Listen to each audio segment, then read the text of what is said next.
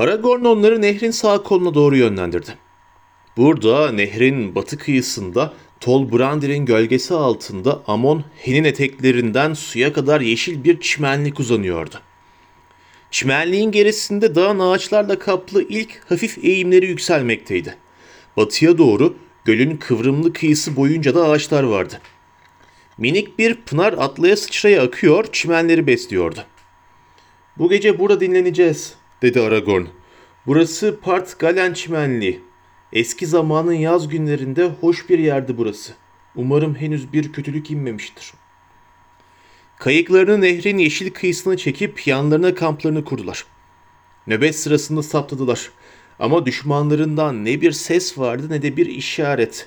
Eğer Gollum onları izlemenin bir yolunu bulduysa görünmeden ve duyulmadan kalmayı başarmıştı.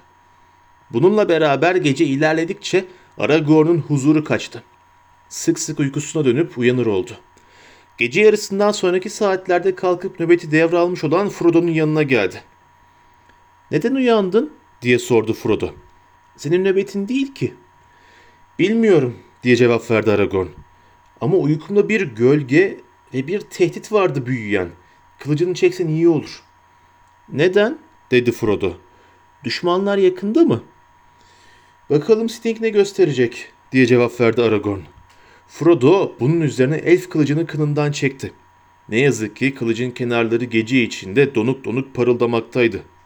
Orklar dedi. Pek yakını değiller ama yeterince yakınlar yine de. Ben de bundan korkuyordum dedi Aragorn. Ama belki nehrin bu tarafında değillerdir. Sting'in ışığı cılız. Amon Love'ın yamaçlarını dolanan Mordor casuslarını gösteriyordur belki de sadece. Daha önce Amon Hen üzerinde orkların olduğunu hiç duymamıştım. Ama Minas Tirith'in artık Anduin'in geçitlerini emniyete tutmadığı bu günler, kötü günlerde her şey mümkün. Yarın dikkatli olmalıyız. Sabah ateşle duman gibi geldi. Doğuda aşağılarda büyük bir yangının dumanları gibi kara kara bulut sütunları vardı.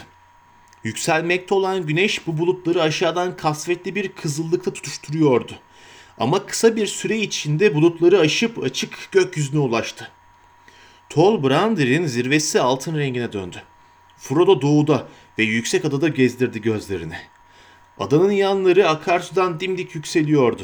Göğe doğru tırmanan kayalıkların yukarısında basamak basamak ağaçların tırmandığı dik yamaçlar vardı.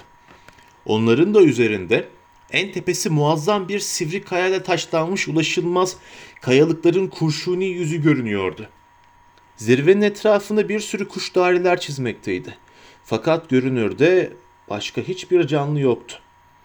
Yemeklerini yedikten sonra Aragorn bütün grubu topladı. Sonunda zamanı geldi çattı dedi. Uzun zamandır ertelediğimiz karar günü. Bu ana kadar kardeşlik içerisinde yolculuk yapmış grubumuz şimdi ne olacak?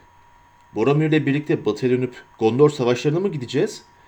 Doğuya korku ve gölgeye mi yöneleceğiz? Yoksa kardeşliğimiz dağılıp herkes kendi yoluna mı gidecek? Ne yapacaksak bir an önce yapmamız gerekir. Burada uzun süre duramayız. Düşman doğu kıyısında bunu biliyoruz. Ama ben orkların daha şimdiden suyun bu yanına geçmiş olmalarından korkuyorum. Kimsenin konuşmadığı, kıpırdamadığı uzun bir sessizlik oldu. Evet Frodo, dedi Aragorn sonunda. Korkarım yük senin omuzlarında. Sen divan tarafından tayin edilmiş taşıyıcısın. Kendi yolunu ancak kendin seçebilirsin. Bu konuda ben sana bir tavsiyede bulunamam.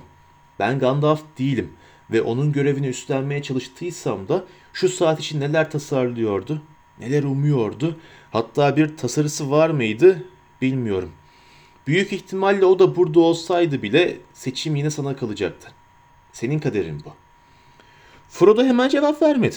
Sonra yavaş yavaş konuştu. Acele etmemiz gerektiğini biliyorum. Ama yine de bir seçim yapamıyorum. Yük ağır. Bana bir saat daha tanıyın. Sonra konuşayım. Biraz yalnız kalmalıyım. Aragorn ona müşfik bir merhametle baktı. Pekala Drogo oğlu Frodo dedi. Bir saat vereceğiz sana ve tek başına kalacaksın. Biz bir süre burada kalırız. Fakat birbirimiz seslendiğini duyamayacağımız kadar uzağa gitme. Frodo bir an başını önünde öylece oturdu. Beyni büyük bir endişeyle izlemekte olan Sam başını sallayarak mırıldandı. ayna gibi ortada Sam Gamgee'nin burnunu sokma sırası değil. Neden sonra Frodo kalktı, yürüyüp uzaklaştı. Diğerlerinin kendilerini tutup ona bakmamalarına rağmen Frodo Amon Hen'in eteklerindeki ağaçlar içinde gözden kayboluncaya kadar Boromir'in gözlerinin onu ısrarla izlediğini gördü Sam. Frodo önce ormanda gayesizce dolaşıyordu derken ayaklarının onu yukarıya, dağın eteklerine doğru götürmekte olduğunu fark etti. Çok eski bir yolun kırık dökük kalıntısı bir patikaya rastladı. Dik yerlerinde taştan basamaklar oyulmuştu. Ama artık bu basamaklar çatlamış, yıpranmış ve ağaçların kökleri de yarılmış durumdaydı. Bir süre nereye gittiğini umursamadan tırmanıp sonunda otluk bir yere geldi. Otluğun etrafında üvez ağaçları yetişmişti ve tam ortasında geniş düz bir taş vardı. Bu küçük yüksek çimenlik doğuya bakıyordu ve daha şimdiden erken güneşin ışıklarıyla dolmuştu. Frodo durup ta aşağısında kalan nehre, Tol Brandir'e ve ayak basılmayan adayla arasındaki hava akıntısında dönüp duran kuşlara baktı. Rauros'un müthiş gürlemesine kalın boğuk bir gümbürtü karışmaktaydı. Taşın üzerine oturup çenesini avuçları içine aldı. Pek de bir şey görmez gözlerle bakışlarını doğuya çevirdi. Aklından Bilbo şerden ayrıldığından beri olup bitenler geçiyordu. Gandalf'ın sözlerinden hatırlayabildiği her kelimeyi bir bir ölçüp biçiyordu. Zaman geçip gittiği halde o hala bir seçim yapabilmekten çok uzaktı. Aniden düşüncelerinden uyandı. Sanki arkasında bir şey varmış, üzerine dostça olmayan gözler dikilmiş gibi garip bir his doğmuştu içine. Ayağa fırlayıp döndü. Fakat hayret, karşısındaki Boromir'den başkası değildi. Yüzünde de dostça bir tebessüm vardı. Sana bir şey olur diye korkmuştum Frodo, dedi ona doğru yaklaşarak. Eğer Aragorn haklıysa ve orklar yakındaysa hiçbirimizin tek başına dolaşmaması gerekir. Özellikle de senin. Her şey sana bağlı neredeyse. İçimde de bir sıkıntı var. Seni bulduğuma göre biraz burada kalıp seninle konuşabilir miyim? Bu beni rahatlatacak. Bu kadar çok kişi bir arada olunca her sohbet bitmek bilmez bir tartışmaya dönüyor. Halbuki iki kişi baş başa verince aklın yolunu bulabiliriz belki. Çok iyisin dedi Frodo. Fakat sohbet etmenin bana bir yararı olacağını zannetmiyorum. Çünkü ne yapmam gerektiğini biliyorum ama bunu yapmaya korkuyorum Boromir. Korkuyorum. Boromir sessiz kaldı. Rauros durmaksızın gürlemeye devam ediyordu. Rüzgar ağaçların dalları arasında mırıldandı. Frodo ürperdi. Aniden Boromir gelip Frodo'nun yanına oturdu. Gereksiz yere eziyet çekmediğin emin misin? dedi. Sana yardım etmek istiyorum. Bu zorlu kararında öyle ihtiyacın var. Benim öldüğümü istemez misin? Sanırım ne öğütleyeceğini zaten biliyorum Boromir, dedi Frodo. Bu aklıma da yatardı. Ama içimden beni uyaran bir ses var. Uyaran mı? Neye karşı uyaran? dedi Boromir sertçe. Gecikmeye karşı. Daha kolay görünen yola karşı. Üzerime yüklenen yükü inkar etmeme karşı. Şey, doğruyu söylemem gerekirse insanların gücüne ve sadakatine güvenmeye karşı. Ancak sen bilmesen de bu güç nicedir minik ülkende sağ salim koruyordu seni. Ben senin halkının yiğitliğinden kuşkulanmıyorum fakat dünya değişiyor. Minas Tirith'in surları sağlam olabilir ama bu sağlamlık yetmez ki. Eğer yıkılırsa ne olacak? Savaşarak yiğitçe düşmüş olacağız ama kazanmak için hala umudumuz var. Yüzük varken hiçbir umut yok dedi Frodo. Ah yüzük dedi Boromir gözleri ışıyarak. Yüzük bu kadar minicik bir şey için bunca korku ve kuşku çekmemiz garip bir yazgı değil mi? Minicik bir şey. Üstelik onu Elrond'un evinde bir an için görebilmiştim sadece. Yeniden bir bakamaz mıyım? Frodo başını kaldırdı, içi birden soğuyu vermişti. Boromir'in yüzü hala müşfik ve dostçaydı ama gözünde garip bir ışıltı görüyordu. Gizli kalsa daha iyi diye cevap verdi. Nasıl istersen benim için fark etmez dedi Boromir. Onun hakkında konuşmama da izin yok mu yoksa? Çünkü sen onun kudretini sadece düşman elinde hayal eder gibisin. Kötüye kullanılmasını düşünüyorsun. İyiye değil. Dünya değişiyor dedin. Eğer yüzük var olursa Minas Tirith düşecekmiş. Ama neden? Yüzük düşmanda olursa mutlaka düşer. Ama bize durursa neden düşsün? Sen de divana değil miydin? diye cevap verdi Frodo. Çünkü bunu kullanamayız ve bununla yapılan her şey kötüye çıkar. Boromir ayağa kalktı ve sabırsızca dolanmaya başladı. Hep aynı laflar diye bağırdı. Gandalf, Elrond, bütün o tipler sana ne söylemen gerektiğini öğretmişler. Kendi adlarına haklı olabilirler. Bu elfler, yarı elfler, büyücüler. Yüzük onları çökertir belki. Ama bazen bunlar gerçekten irfan sahibi mi yoksa sadece korkaklar mı diye geçiyor aklımdan. Fakat herkes kendi soyuna göre konuşsun. Yüreği sağlam insanlar. İşte onlar hiç yozlaşmayacaktır. Biz Minas Tirithliler. Yılların sınavlarında metanetimizi ispatladık. Biz büyücü hükümdarlarının kudretini istemiyoruz. Sadece kendimizi savunmak için, haklı bir dava için kuvvet istiyoruz. Ve buyurun, tam ihtiyaç anında kudret yüzüğü or- ortaya çıkıveriyor. Bu bir armağan bana soracak olursan. Mordor'un düşmanlarına bir armağan, yüzüğü, düşmanın gücünü, düşmana karşı kullanmamak delilik. Sadece korkusuzlar ve insafsızlar muzaffer olabilirler. Bu zamanda bir savaşçı, büyük bir lider neler başarmazdı?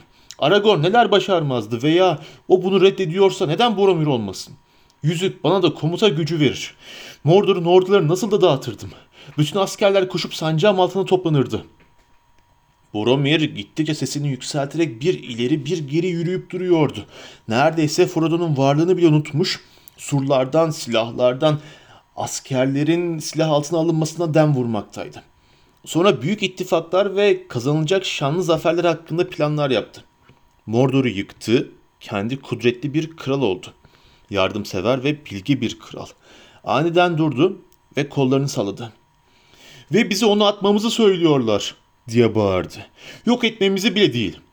Bu bir işe yarayabilirdi. Tabii eğer böyle bir şey yapmak için en ufak bir ümit olduğunu ma- mantık alsaydı almıyor. Bize sunulan tek tasarı bir buçukluğu körü körüne Mordor'a gönderip düşman yakalaması için her türlü şans tanımak. Ahmaklık. Her şey besbelli değil mi dostum? dedi birdenbire tekrar Frodo'ya dönerek. Korktuğunu söylüyorsun. Eğer öyleyse en cesur olan bile seni mazur görmelidir. Fakat gerçekte baş kaldıran sağduyun değil mi? Hayır, ben korkuyorum dedi Frodo. Sadece korkuyorum. Fakat senin bu kadar açık konuşmana sevindim. Artık kafam daha berrak. O halde Minas Tirith'e geleceksin diye bağırdı Boromir. Gözleri parıldıyordu. Yüzü şevklenmişti. Beni yanlış anladın dedi Frodo. Fakat en azından bir süreliğine gelirsin diye ısrar etti Boromir. Şehrim artık yakın sayılır ve oradan Mordor buradan olduğundan pek az daha uzakta. Çoktandır yabanlıktayız. Harekete geçmeden önce düşmanın neler yaptığından haberdar olmalısın. Benimle gel Frodo dedi. İle de gitmek zorundasın. Tehlikeye atılmadan önce dinlenmen gerek. Elini dostça Hobbit'in omzuna koydu fakat Frodo elin bastırılmış bir heyecanla titrediğini fark etmişti. Hemen uzaklaştı. Kendisinin neredeyse iki misli ve kuvvet açısından kendisinden çok çok daha güçlü olan uzun boylu insanı korkuyla süzdü. Neden bu kadar yabanisin? dedi Boromir. Ben dürüst bir adamım. Ne hırsızım ne de eşkıya. Senin yüzüne ihtiyacım var. Bunu artık biliyorsun. Ama onu alıkoymak gibi bir arzum olmadığına yemin ederim.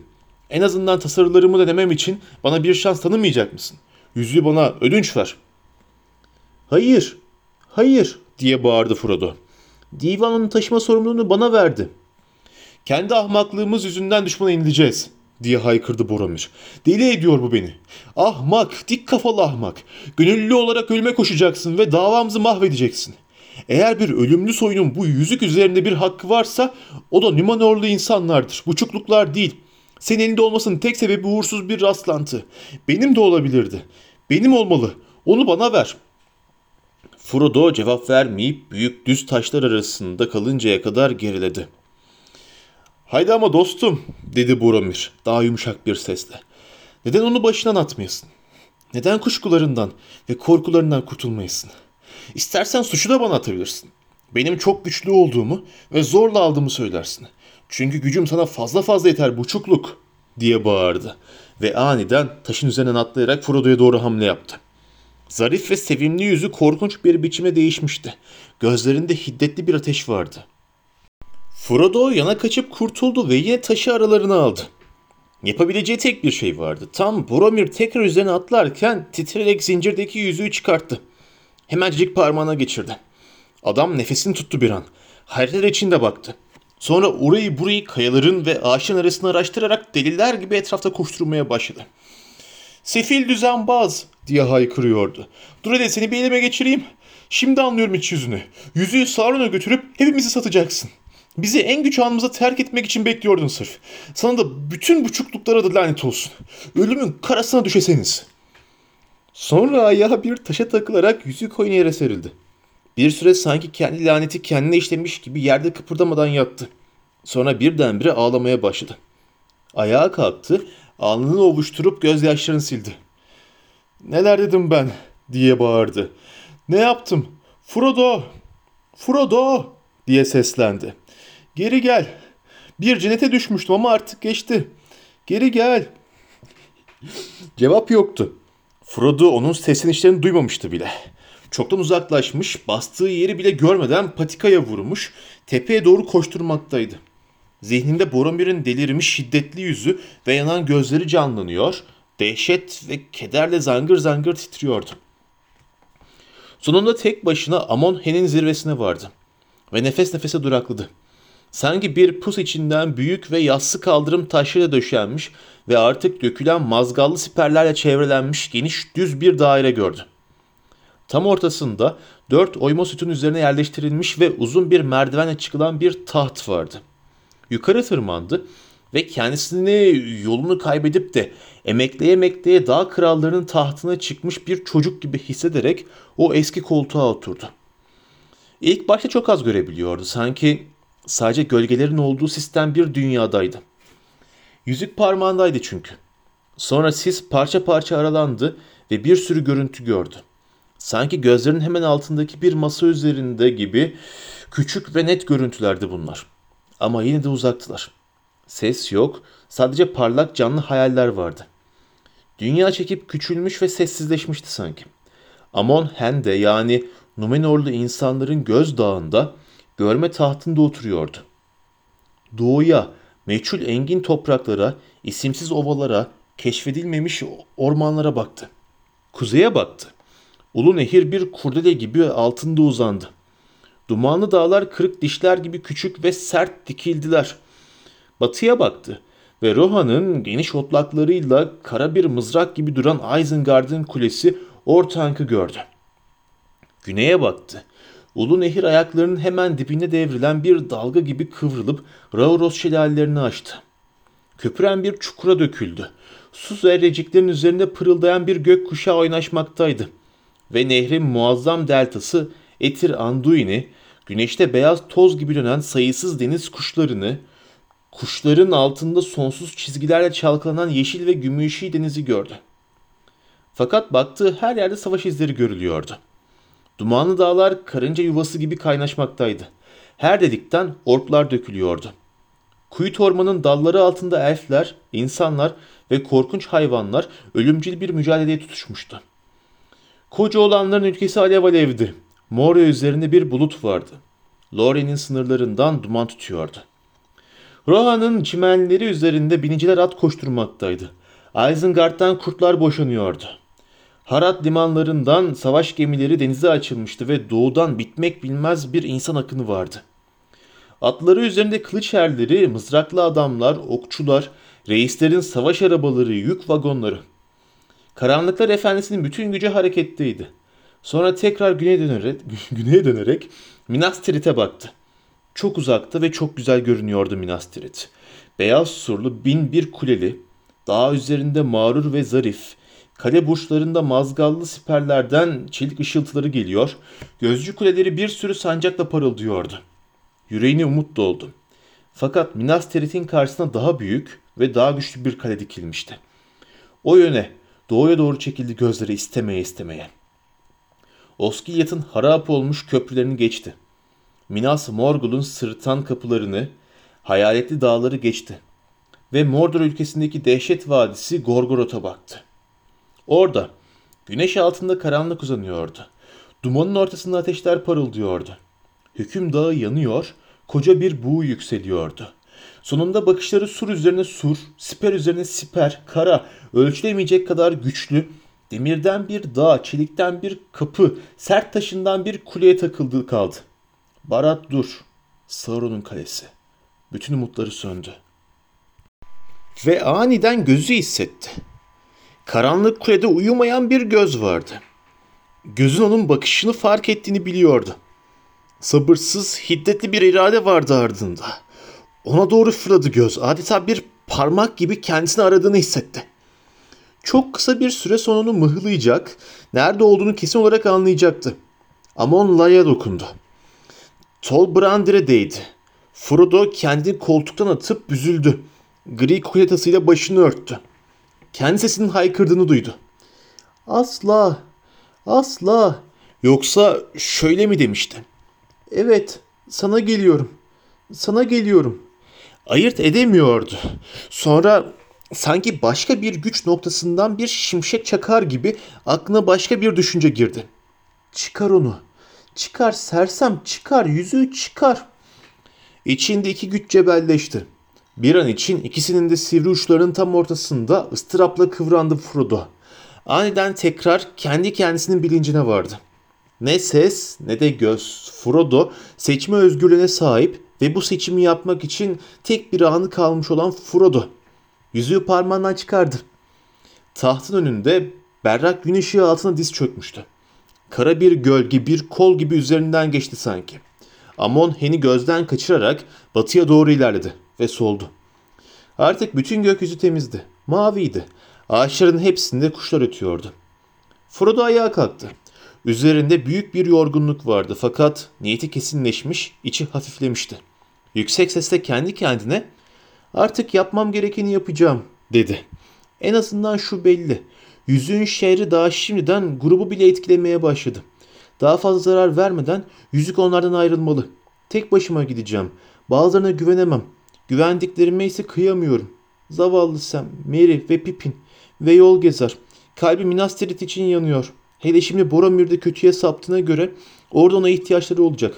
Tek başıma gideceğim. Hemen. Çabucak geri inerek Boromir'in onu bulmuş olduğu çimen, çimenliğe döndü. Sonra durup etrafı dinledi.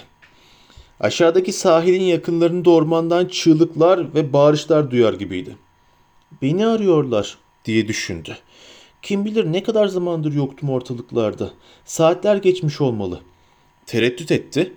Ne yapabilirim diye mırıldandı. Ya şimdi giderim ya da bir daha hiç gidemem. Bir daha böyle fırsat olmaz.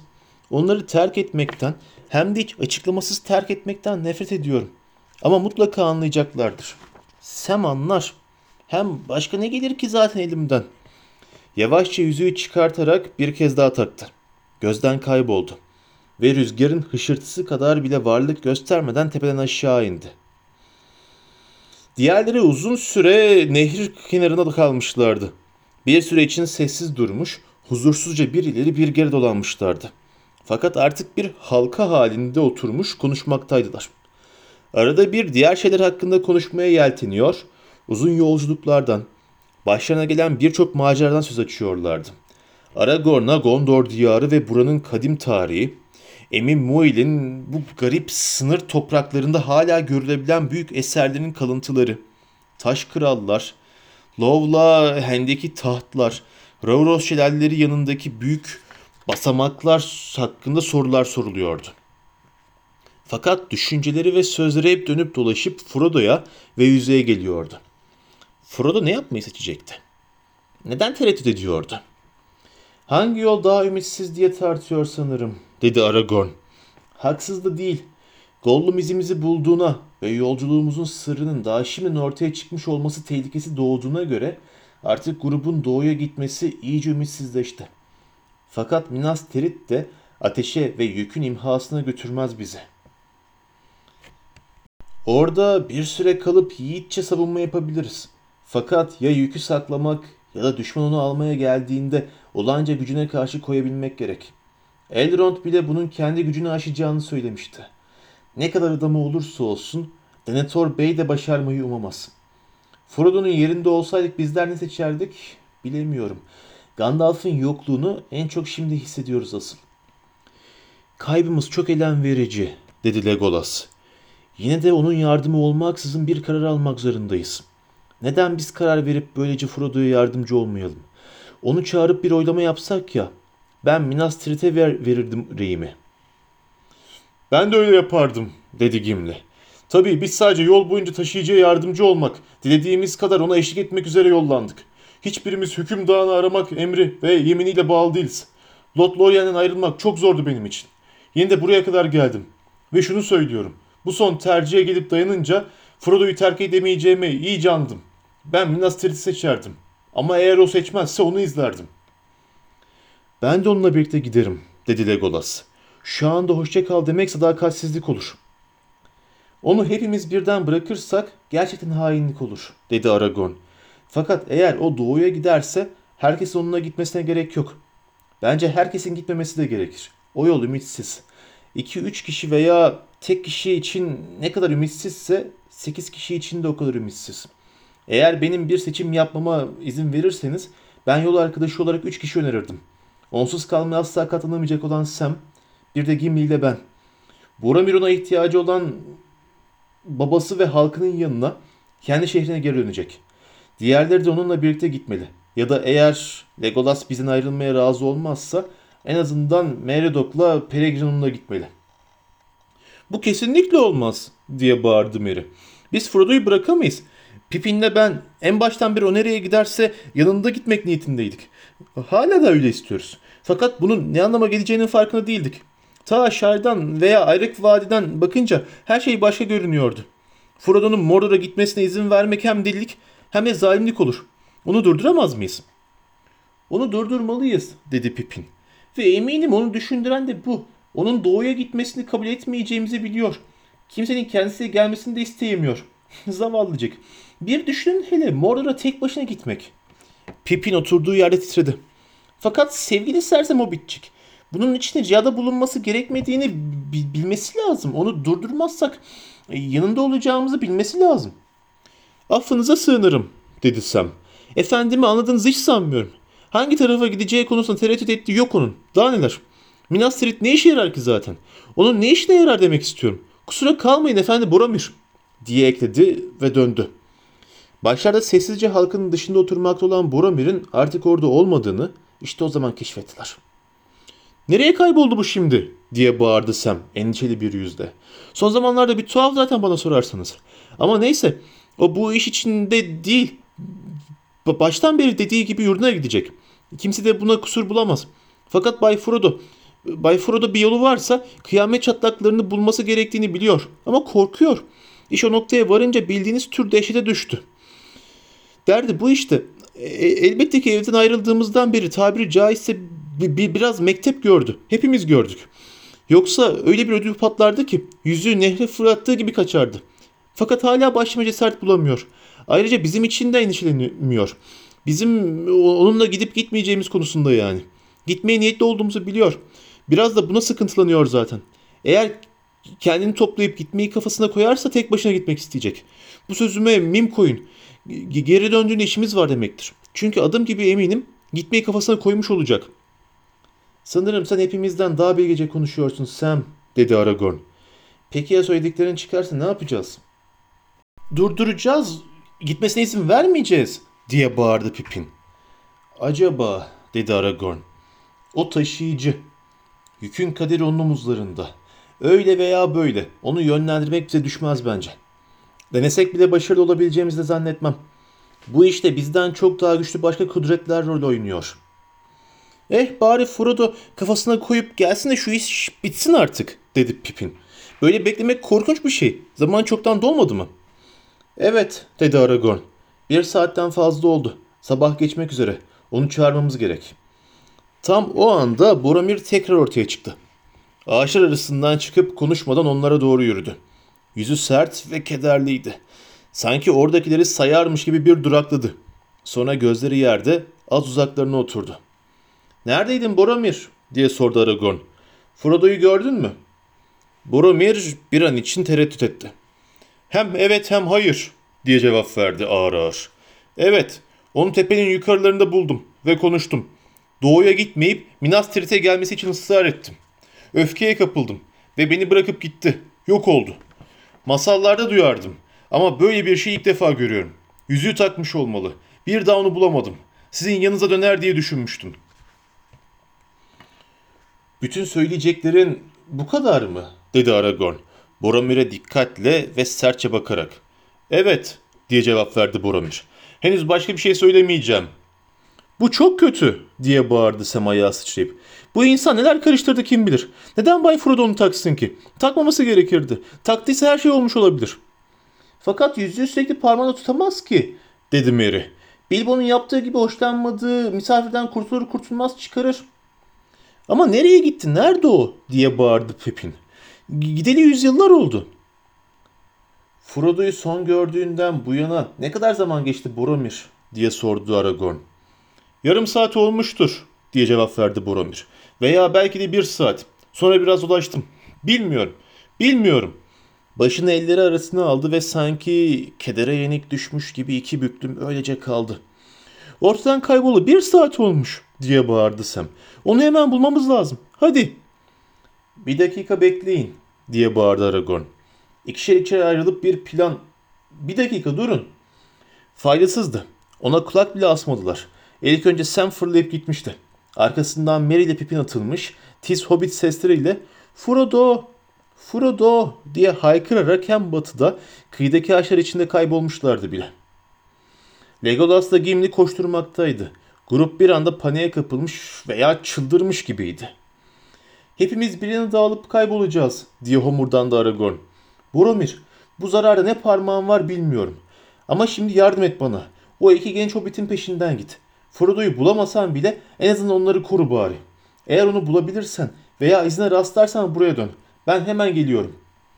Aragorn hızla fırlayıp Sam'in peşinden gitti. Sam, Frodo diye bağırarak nefes nefese kanter içinde yokuş yukarı koştururken vezir arasındaki çimenlikte ona yetişti. Benimle gel Sam dedi.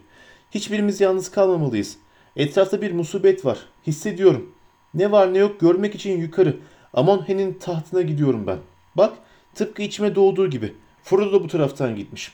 Beni takip et ve gözlerini dört aç. Hızla patikadan yukarı vurdu. Sam elinden geleni yapıyordu ama kolcu yol gezeri ayak uydurması imkansızdı. Çok geçmeden geride kaldı. O da azıcık ilerlemişken Aragorn ileride gözden kaybolmuştu bile. Sam oflayıp puflayarak durdu. Aniden alnına bir şaplak indirdi. Çüş Sam Gemci dedi yüksek sesle. Madem bacakların çok kısa kafanı kullan. Dur bir hele. Boromir yalan söylemiyor. Yalan söylemek huyu yok. Lakin her şeyi anlatmadı. Bir şey Bay Frodo'yu çok kötü biçimde korkuttu. O da bir anda kendini toplayıverdi. Nih nihayet bir karara vardı. Gitmek kararına. Nereye? Doğuya. Semsiz gider mi? Evet. Yanına Sem'ini bile almadan gidecek. Çok, çok insafsızlık bu. Sam gözlerindeki yaşları kuruladı. Sakin ol gemci dedi. Aklını bul da düşün. Ne, nehirlerin üzerinden uçamaz. Şelallerden de atlayamaz. Hiç alet edevatı yok. Demek ki kayıklara gitmesi lazım. Kayıklara. Doğru kayıklara Sam. Şimşek gibi. Sam dönüp patikadan aşağıya fırladı. Düştü. Dizleri çizildi. Kalktı ayağa ve koşmaya devam etti. Kayıklarını karaya çektikleri Part Galen çimenliğinin kenarına geldi. Kimsecikler yoktu. Arkadaki ormanın haykırışlar duyar gibiydi fakat kulak asmadı. Bir an kıpırdamadan ağzı bir kırış açık kala kaldı. Kayığın biri kendi kendine çimlerin üzerinde kaymaktaydı. Bir çığlık atarak çimlerin üzerinden rüzgar gibi uçtu Sam. Kayık suya indi. Geliyorum Bay Frodo, geliyorum diye bağırdı Sam ve uzaklaşmaya başlayan kayığa doğru bir hamle yaparak kendini nehrin kıyısına atıverdi. Kulaç boyuyla kayığı kaçırmıştı. Bir çığlık attı, koca bir şapırtıyla yüzüstü hızla akan suda buldu kendini. Ağzının hava kabarcıkları çıkartarak dibe giderken nehir kıvırcık saçlı başının üzerinde kapandı. Boş kayıktan bir telaş nidası duyuldu. Bir kürek hareketlendi. Kayık döndü. Tam ağzından sular püskürtüp çırpınarak yukarı çıktığı anda yetişip Sem'i saçlarından yakaladı Frodo. Sem'in kahverengi gözleri dehşetle yüz yuvarlak açılmıştı. Haydi yukarı Sem evlat dedi Frodo. Şimdi elimi yakala. Kurtar beni Bay Frodo dedi nefes nefese Sam. Boğuldum. Elini göremiyorum. İşte burada. Çimdikleme oğlum. Seni bırakmam. Ayaklarını çırp. Debelenip durma. Yoksa kayıya devireceksin. Tamam işte. Yan tarafa tutun sen. Ben de küreği kullanayım. Bir iki kürek darbesiyle Frodo kayığı tekrar kıyıya getirdi. Sam sıçan gibi ıslanmış bir biçimde sudan çıkabildi. Frodo yüzüğü çıkartarak tekrar karaya ayak bastı. Bütün bu karışık belalar içinde sen en beterisin Sam dedi. Ah Bay Frodo çok insafsızsın dedi Sam titreyerek. Böyle ben sizi gitmeye kalkışma içime oturdu. Eğer doğru tahmin etmeyeydim şimdi nerelerde olacaktın? Sağ salim yolumda olacaktım. Sağ salimmiş dedi Sam. Tek başına benim yardım olmadan ha? Buna dayanamazdım ölüp kalırdım. Asıl benimle gelirsen ölüp gidersin Sam dedi Frodo. Buna ben dayanamam. Onun garantisi yok ama arkanda kalırsam yüzde yüz ölürüm dedi Sam. Ama ben Mordor'a gidiyorum. Bunu gayet iyi biliyorum Bay Frodo. Elbette ki oraya gidiyorsun. Ve ben de seninle geliyorum. Bak Sam dedi Frodo. Beni oyalama. Diğerleri her an geri gelebilir. Eğer beni burada yakalarlarsa onlarla tartışıp açıklama yapmak zorunda kalacağım. Bir daha ne böyle fırsat ne cesaret bulurum. Halbuki hemen gitmem gerekiyor. Tek yol bu. Elbette tek yol bu diye cevap verdi Sam. Ama tek başına değil. Ben de geliyorum. Yoksa ikimiz de gitmeyiz. Gerekirse kayıkları bile delerim. Frodo bir kahkaha koyuverdi. Ani bir sıcaklık ve sevinç dokunmuştu gönlüne. Birini bırak dedi. Bize lazım. Fakat eşyasız yiyeceksiz falan böyle çıkıp gelemezsin. Bir dakika bekleyiver. Gidip eşyalarımı alayım diye haykırdı Sam hevesle. Hepsi hazır. Bugün yola çıkmak gerekir diye düşündüydüm. Konaklama yerine fırladı. Frodo'nun yol arkadaşlarının eşyalarını boşalttığı yığın içinden kendi eşyalarını bulup çıkarttı. Yedek bir battaniye, birkaç paket fazladan yiyecek kaptı ve geri koştu. Böylece bütün planım bozulmuş oldu, dedi Frodo. Senden kurtulmaya çalışmanın yararı yok. Ama memnun oldum Sam. Ne kadar memnun olduğumu anlatamam. Hadi gel. Belli ki birlikte gitmemiz yazılıymış. Biz gidiyoruz. Dilerim diğerleri de güvenle bir yol bulsun. Yol güzel onlara göz kulak olur. Bir daha onları görebileceğimizi zannetmiyorum. Belli mi olur Bay Frodo? Görürüz belki, dedi Sam. Böylece Frodo ile Sam beraberce maceralarının son kısmına doğru yola çıktılar. Frodo kürek çekerek sahilden uzaklaştı. Nehir de onları hızla batıdaki kolundan aşağı taşıdı ve Tol Brandir'in çatık kaşlı zirvelerinin yanından geçirdi. Büyük şelalelerin gümbürtüsü yaklaştı. Sem'in becerebildiği kadar yardımıyla bile adanın güney ucundaki akıntıdan diğer kıyıya doğru geçebilmek hiç de kolay olmadı. Sonunda Amonlav'ın güney yamaçlarında tekrar kıyıya vardılar. Burada meyilli bir sahille karşılaştılar. Kayıklarını karaya, suyun oldukça yükseğine çıkardılar ve devrilmiş iri bir kayanın gerisine ellerinden geldiğince gizlediler. Sonra yüklerini omuzladılar. Onları Emin Muil'in Kurşuni dağlarının aşırıp gölgeler ülkesine indirecek bir patika arayarak yola koyuldular.